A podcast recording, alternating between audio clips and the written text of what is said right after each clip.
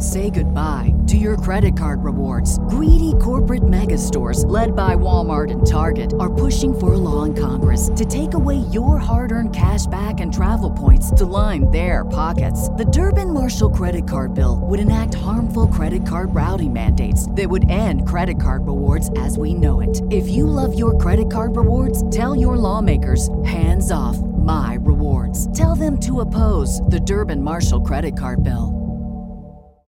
Swimsuit? Check. Sunscreen? Check. Phone charger? Check. Don't forget to pack the 5 Hour Energy. It fits great in a pocket or carry on, and the alert feeling will help you arrive ready for anything. Now get 20% off when you use code 5HE Travel at 5hourenergy.com. Expires April 30th. One time use only, not valid with other discounts. Remember, visit 5hourenergy.com and use code 5HE Travel to save 20%.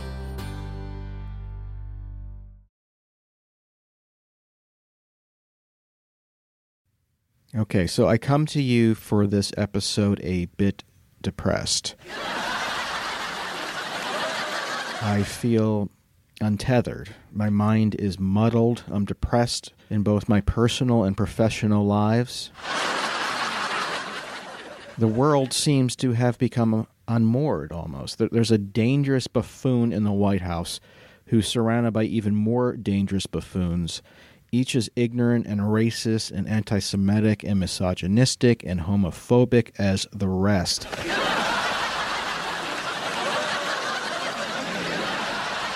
My family, those that did not die in the Holocaust, and the majority did, they risked their lives to come to this country. This is not a news story. Every one of my friends, no matter what race or background or religion they are, have a relative who risked it all financially and professionally and personally to journey to America.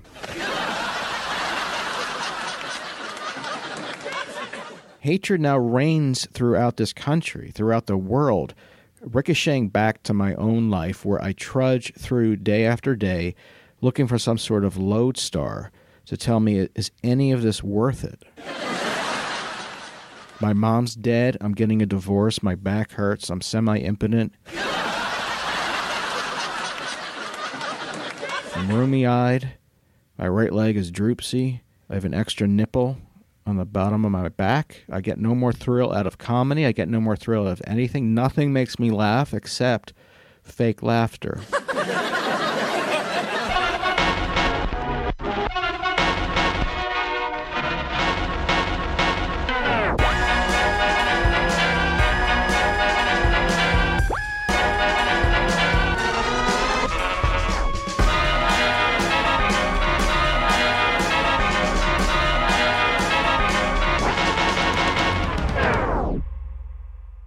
Okay, great show for you this week. Ben Glenn, my friend down in Virginia.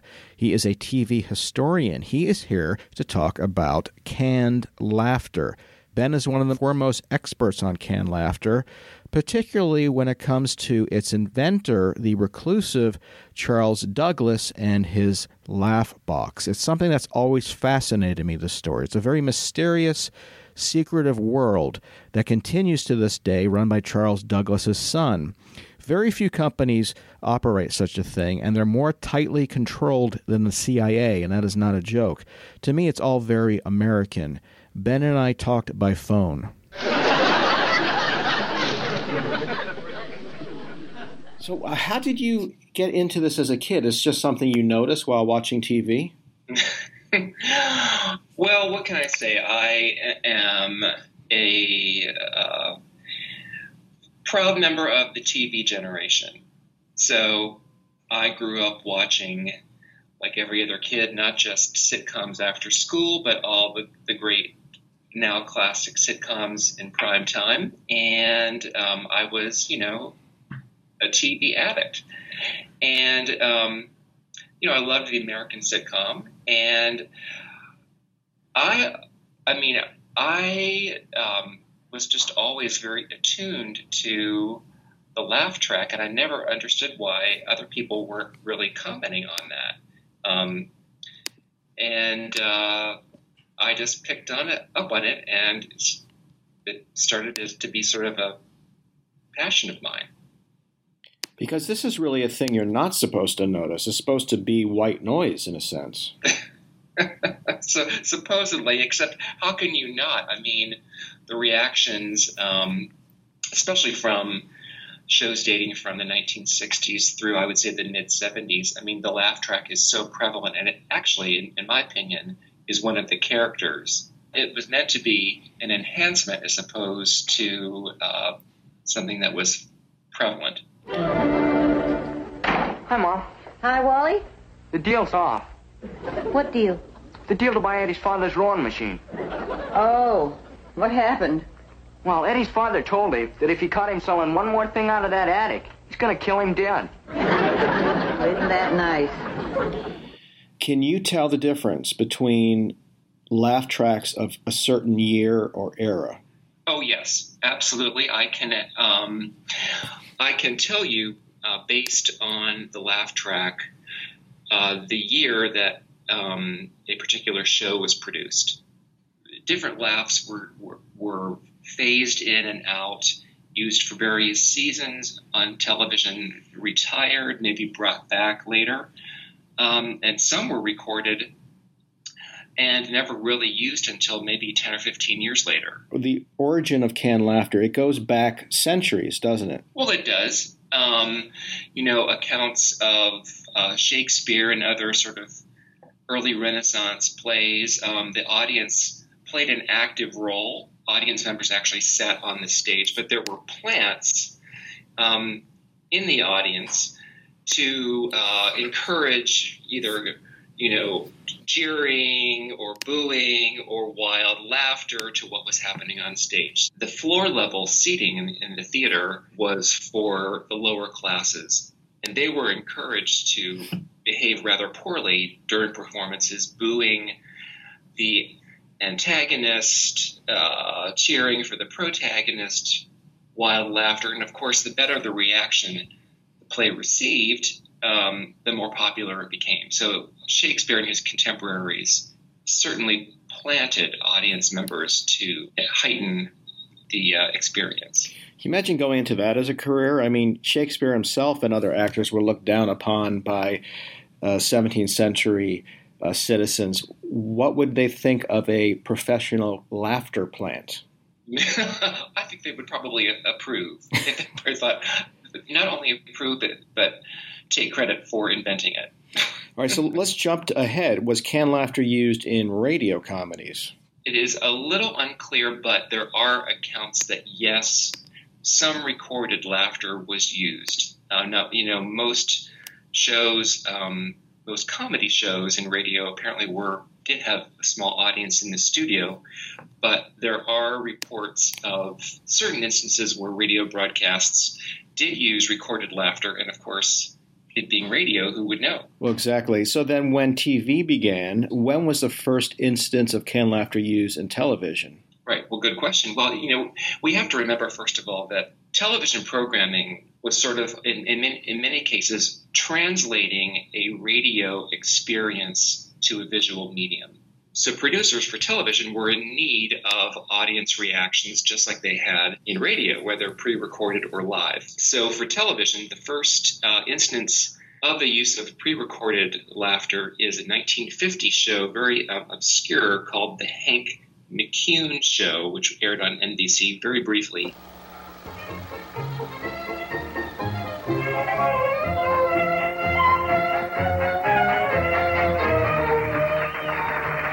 Thank you, thank you Thank you very much.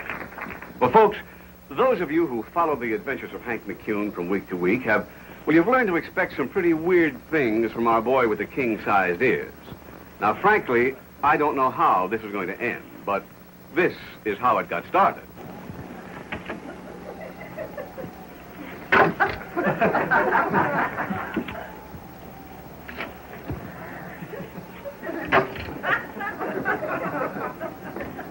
Why that show? Was there someone on the show that knew about this new thing called canned laughter? Yeah, well, that particular show, it's a little bit of a curiosity. First of all, very little of it still exists. And it it was a syndicated program. So it was partly syndicated and partly airing on NBC. And I have not yet found the reason why the show decided to use a laugh track, only that it did. It was first, um, it was actually noted in its initial review in Variety of 1950, saying that was an innovation. I will tell you that having seen clips of the show, it was not funny at all. And so maybe they couldn't find an audience who would actually respond well. But um, interestingly, in that show, not only do they use a laugh track, there's stock footage of the, during the opening credits of like an audience applauding, an audience which, of course, did not exist. Wow, so just fake from beginning to end. From, from completely fake. Do you think that the the home audiences found canned laughter odd, or was it something that they blended right in with? Well, you know, probably at the beginning they didn't notice it because the early reactions were they were very generic and they were actually fairly natural sounding. Well, now that's no way to grow up to be big, strong boys with big, strong muscles. Okay, Mom. Then let me squeeze mine. Never mind, Hercules. Let's talk about the mystery surrounding the canned laughter machine and the inventor of that machine. The device was invented by um, a man named Charles Rolland Douglass, who began his career um, as a sound engineer primarily in the Navy. And afterward, um, he became, after the war, he became a sound engineer for CBS Radio and later for CBS Television. It was his idea to um, devise an apparatus in which pre recorded laughter could be easily added to the soundtrack of a television show. He dubbed this apparatus apparently the Laugh Box, L A F F. Um, he made the parts himself in his garage in Northridge, California. And it resembled, it was about two feet high as a wooden box. And he actually appropriated some household gadgets such as keys from his home typewriter and uh, pedals from an organ in order to make this workable using uh, about 10 tape loops, audio tape loops that were controlled by, again, the uh, typewriter keys and the pedal. Now, where did he get these laughs in the original laugh box? that is the big question, and I have I, I have the answer partly. There are several sources. The, the earliest accounts indicate that the initial reactions recorded earliest came from uh, several performances by Marcel Marceau, um, which were held in Los Angeles in the early 1950s. And that could make sense given that, of course, Marcel Marceau was did pantomime and then there would be no interfering dialogue. Later, uh, it appears that Charles Douglass pulled reactions from the pantomime sections of the Red Skelton Show, which aired on CBS, which is where he worked. And again, those sequences would have had no interfering music. So Ch- Charles Douglass, he would he would take these machines where to the editing room after the show was done, and then add the laughs according to the what he saw on the screen. That is correct. I mean, he was basically hired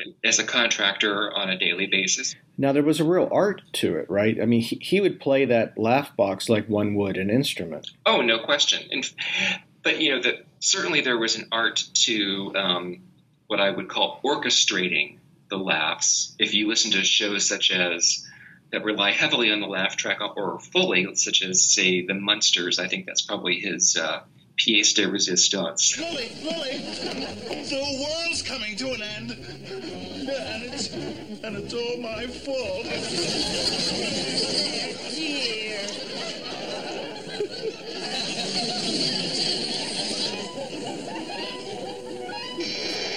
But more than that is that these reactions, as you hear them, they, they sound unnatural because Charles Douglass engineered them before using them. So he could bring a distinctive laugh to the surface of an audience reaction, sometimes too perfect or even unnatural.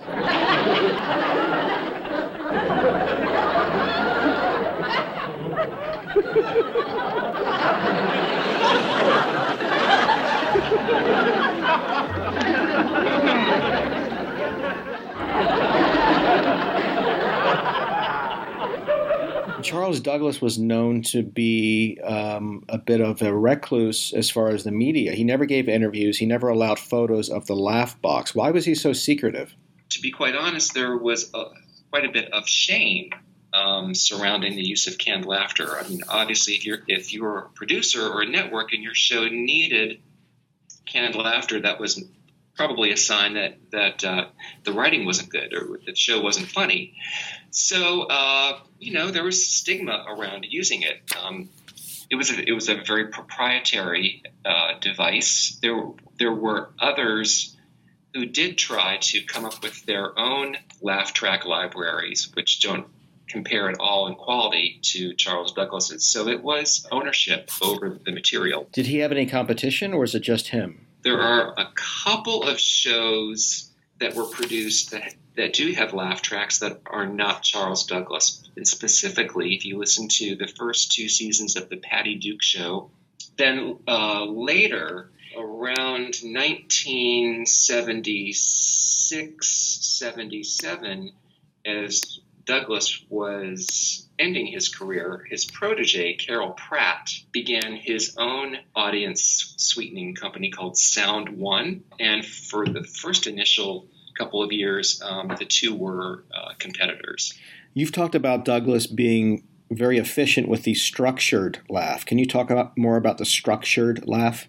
There were strings of softer reactions, which we call titters, and then there were the more uh, boisterous outbursts. So often the large guffaw would would finally sort of deteriorate into that existing titter track. So he never it was never just like a big outburst then silence. It was he tried to create a fairly natural uh, crescendo. So it was almost like he was sight reading, right? Because he wasn't familiar with the script or the show until he was watching it on the screen and reacting in real time.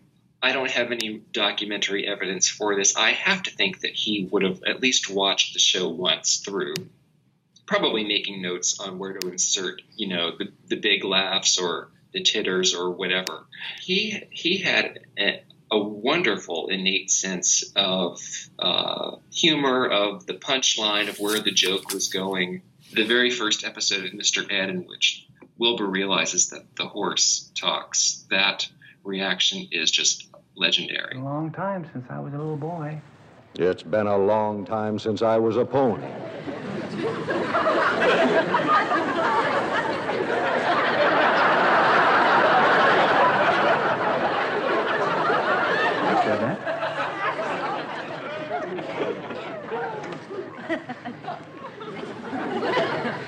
oh. How long would it take him to do a 30 minute episode? You know, he did it in about one workday. And how much did he charge? Uh, $100 per day. Only $100. It's a pretty good deal. But just to make it clear, even up to this day, what you're hearing are dead people laughing. Yes and no. Present day laugh tracks, they're they're taken from contemporary audiences so that they sound current. It's there's a it's a lot more nuanced than than uh, the uh, Charles Douglass uh, typewriter key organ pedal uh, apparatus. it's, it's, also all in a laptop now. But it's not just uh, sitcoms, right? There are other shows that are sweetened too now. Yes, and basically always have been. Charles Douglass's son Robert, who took over the mantle of canned laughter, um, he has won numerous uh, Emmy awards for sweetening the Academy Awards, also the Emmy Awards. So, are you saying that Monday Night Football and the Super Bowl and the World Series, all of that is sweetened? Well, maybe not every single episode, but certainly uh, the Super Bowl definitely is. All right, let's go back to the differences in canned laughter through the decades. What was canned laughter like in the 50s compared with the 60s? uh, let's see. When you hear sort of groups of old ladies laughing. I was talking to Wally about cars the other day, and he says that some of the boys in high school have better cars than their fathers. That's more the 50s. As you get into the 60s, the audience gets bigger, first of all. Not huge, but we're talking audience of about 300. Um, and the reactions, the types of reactions really broaden where you have these fabulous gasps of astonishment and um, almost, you know, uh, exclamations of being blown over by being shocked in a funny way.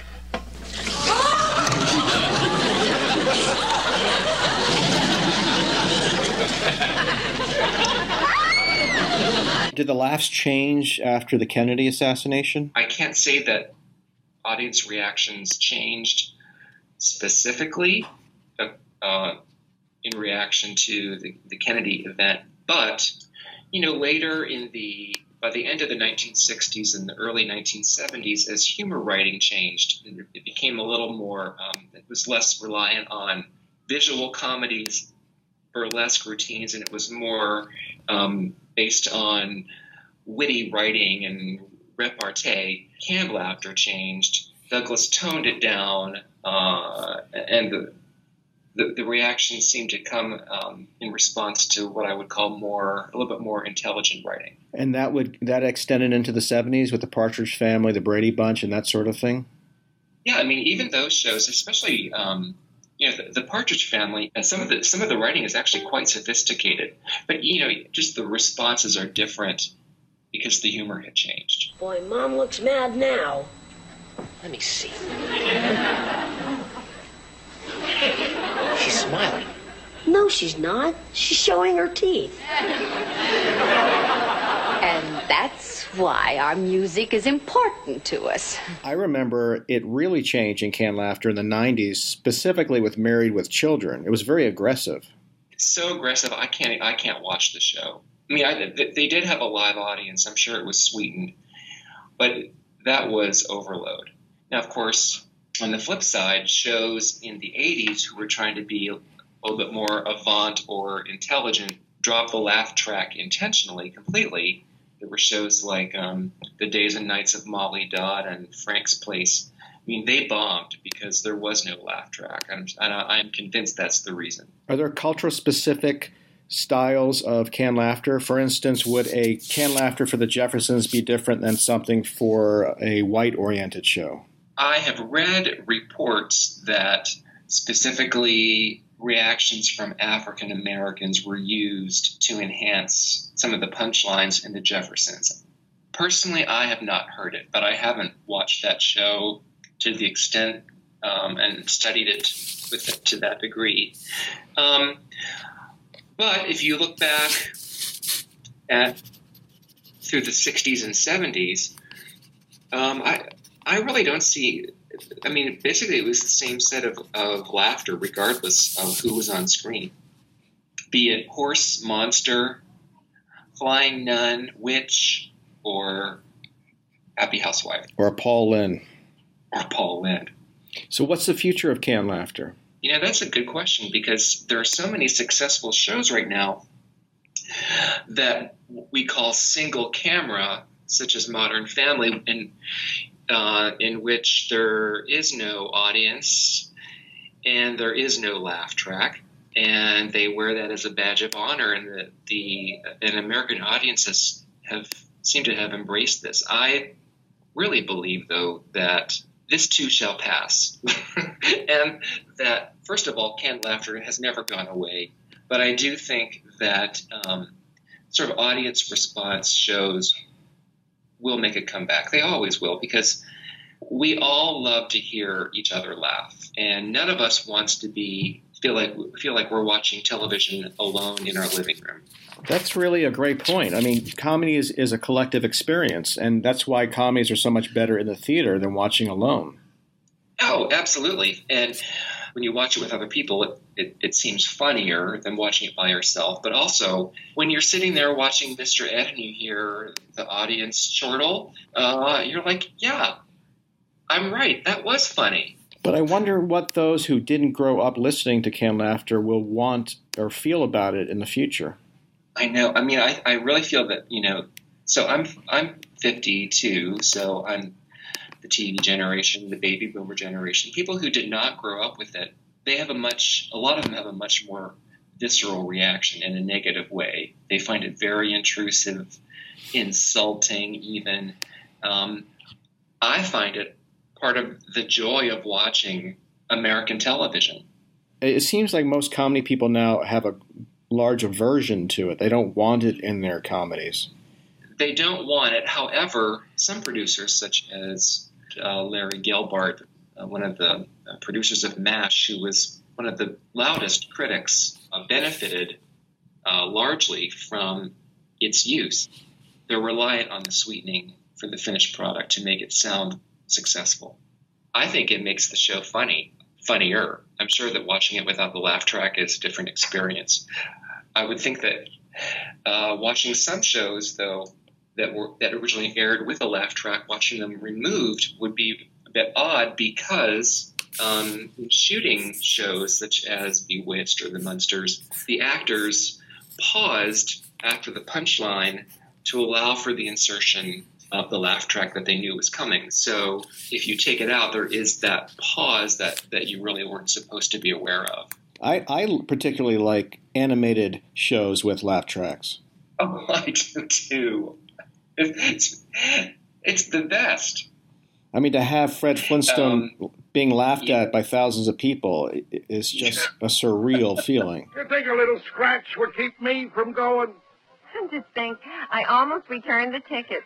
Tickets? What do I need tickets for? Don't be silly. How do you expect to go to the opera without tickets? Opera? Did you say opera? Well, you know, I love talking about this aspect of it because, you know, you're talking about um, producers who want the laugh track removed to make their show, quote, legitimate. In this, in the case of primetime animated shows like the Flintstones and Top Cat, the laugh track was used to legitimize them as bona fide primetime situation comedies that happened to be animated. So the laugh track aligned them with all the other widely accepted live action shows that were airing concurrently. Um, to me, it works. To me, it works too. Ben, I thank you for your time. I find this fascinating, and I, I appreciate uh, you talking about all this. Hey, thanks for the opportunity. Anytime. My favorite topic.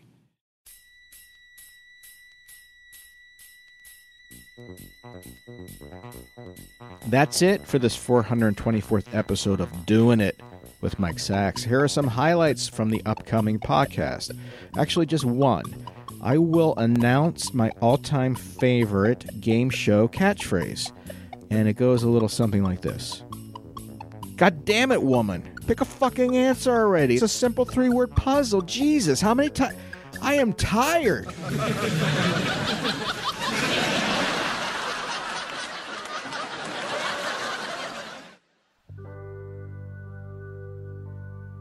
I appreciate you joining us. I look forward to seeing you next week, especially you, the one who's trying to upload boxes upon boxes of Make America Great Again yarmulkes on eBay. Not worth so much anymore now, are they? I'd like to thank a few people, namely Ben Glenn for sitting down and talking with me about fake laughter. Thank you, Ben.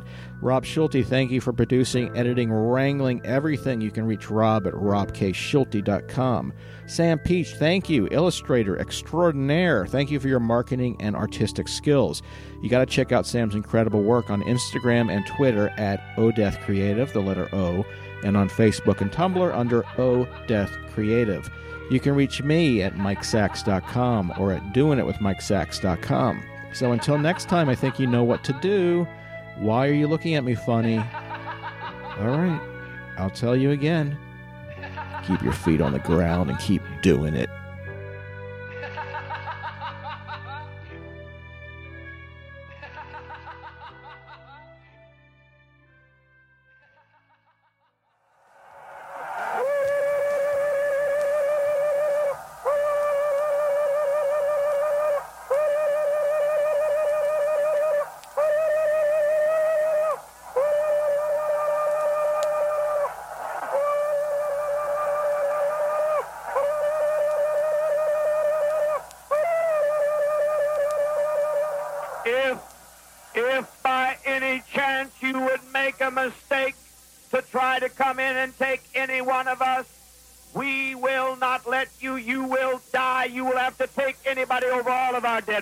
Love is the only weapon.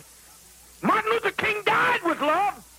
Kennedy died talking about something you couldn't even understand, some kind of generalized love, and he never even backed it up. He shut down Bruce, love is the only weapon with which I got to fight. I got a hell of a lot of weapons to fight. I got my claws, I got compasses, I got guns, I got dynamite, I got a hell of a lot to fight. I'll fight, I'll fight, I'll, I will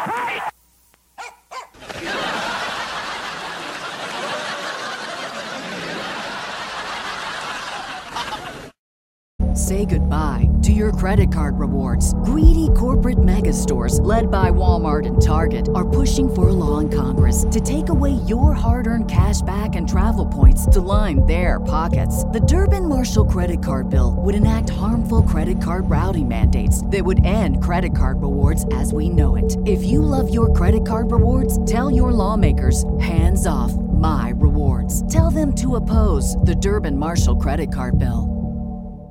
Hello, it is Ryan, and I was on a flight the other day playing one of my favorite social spin slot games on chumbacasino.com. I looked over the person sitting next to me, and you know what they were doing? They were also playing Chumba Casino. Coincidence? I think not. Everybody's loving having fun with it. Chumba Casino is home to hundreds of casino style games that you can play for free anytime, anywhere, even at 30,000 feet. So sign up now at chumbacasino.com to claim your free welcome bonus. That's chumbacasino.com and live the Chumba life. No purchase necessary. Group. Void prohibited by law. See terms and conditions. 18 plus.